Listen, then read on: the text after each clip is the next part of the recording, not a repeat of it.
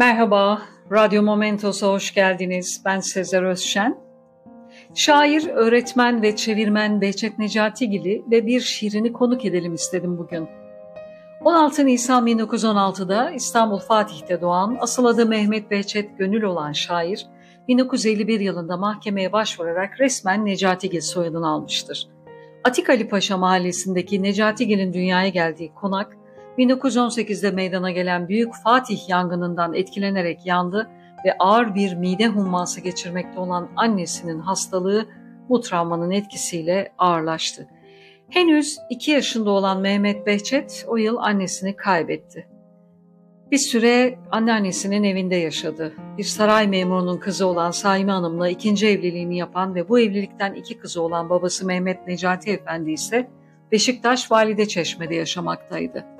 Necati Gil anneannesinin rahatsızlığı üzerine 1923'te babasının yanına taşındı ve okula orada gitti.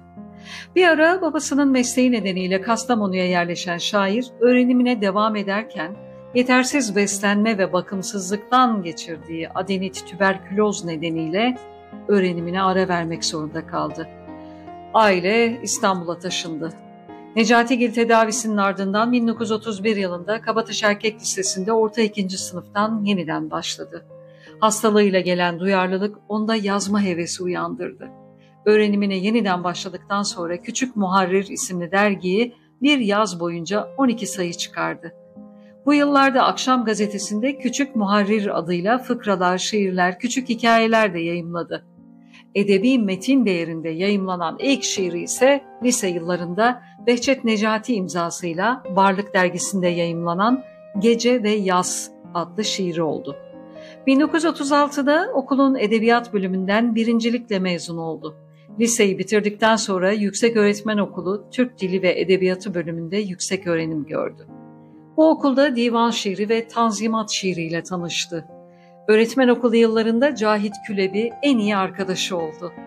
Alman filolojisi bölümünün bazı derslerine de misafir öğrenci olarak katıldı ve bir Alman kuruluşun davetlisi olarak bursla Berlin'e gönderildi. Dört ay Almanca kursuna devam etti. 1940 yılında yüksek öğrenimin tamamladı ve öğretmenliğe başladı. Hayatı boyunca öğretmenlikle şairliği bir arada yürüttü. 1945-1955 arasında Çevre, Evler, Eski Toprak kitaplarını yayımlayan şairin bu kitaplardaki şiirleri, gözlemlerini, deneyimlerini dolaysız anlatan çağrışımlara kapalı şiirlerdi. 1955'te poetikasında değişiklik yaptı. Öykü unsuru az, çağrışımlara açık şiirlerle dolu kitaplar yazdı. Sayısız ödüller aldı. 1963 yılında radyo oyunları yazmaya başladı. Türkiye'de en çok emek verenlerden biri oldu. Bu alandaki eserlerini dört ciltte topladı. Rainer Maria Rilke, Miguel de Unamuno, Knut Hamsun, August Strindberg, Thomas Mann, Stefan Zweig gibi pek çok Alman ve Norveçli yazar ve şairin kitaplarını da Türkçe'ye çevrildi. Kanser teşhisiyle kaldırıldığı Cerrahpaşa Hastanesi'nde 13 Aralık 1979 tarihinde hayatını kaybetti. Modern Türk şiirinin önde gelen şairlerindendir. Herhangi bir edebi akıma katılmamış bağımsız bir şair ve fikir adamıdır. Şiir dışında tiyatrodan mitolojiye, sözlük biliminden roman çevirilerine ve radyo oyunlarına kadar birçok edebiyat alanında eser vermiştir. Türkiye'de radyofonik oyunun bir edebiyat dalı olarak benimsenmesinde oyunları, çevirileri ve uyarlamalarıyla büyük emek vermiştir. Behçet Necatigil'i saygı, sevgi ve özlemle anıyoruz. Yayını şairin Kitaplarda Ölmek isimli şiiriyle bitiriyorum. Adı, soyadı, açılır parantez, doğduğu yıl, çizgi, öldüğü yıl, bitti.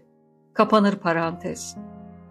O şimdi kitaplarda bir isim, bir soyadı, bir parantez içinde doğum, ölüm yılları. Ya sayfa altında ya da az ileride eserleri ne zaman basıldıkları. Kısa, uzun bir liste. Kitap adları, can çekişen kuşlar gibi elinizde. Parantezin içindeki çizgi, ne varsa orada. Ümidi, korkusu, gözyaşı, sevinci, ne varsa orada. O şimdi kitaplarda bir çizgilik yerde hapis. Hala mı yaşıyor?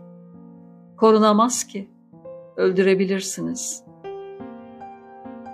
Aynen şairin şiirinde yazdığı gibi hayatını parantezin içindeki o küçük çizgiyi kısaca aktarmaya çalıştım. Dinlediğiniz için teşekkürler. Hoşça kalın. Radyo Momentos'la kalın.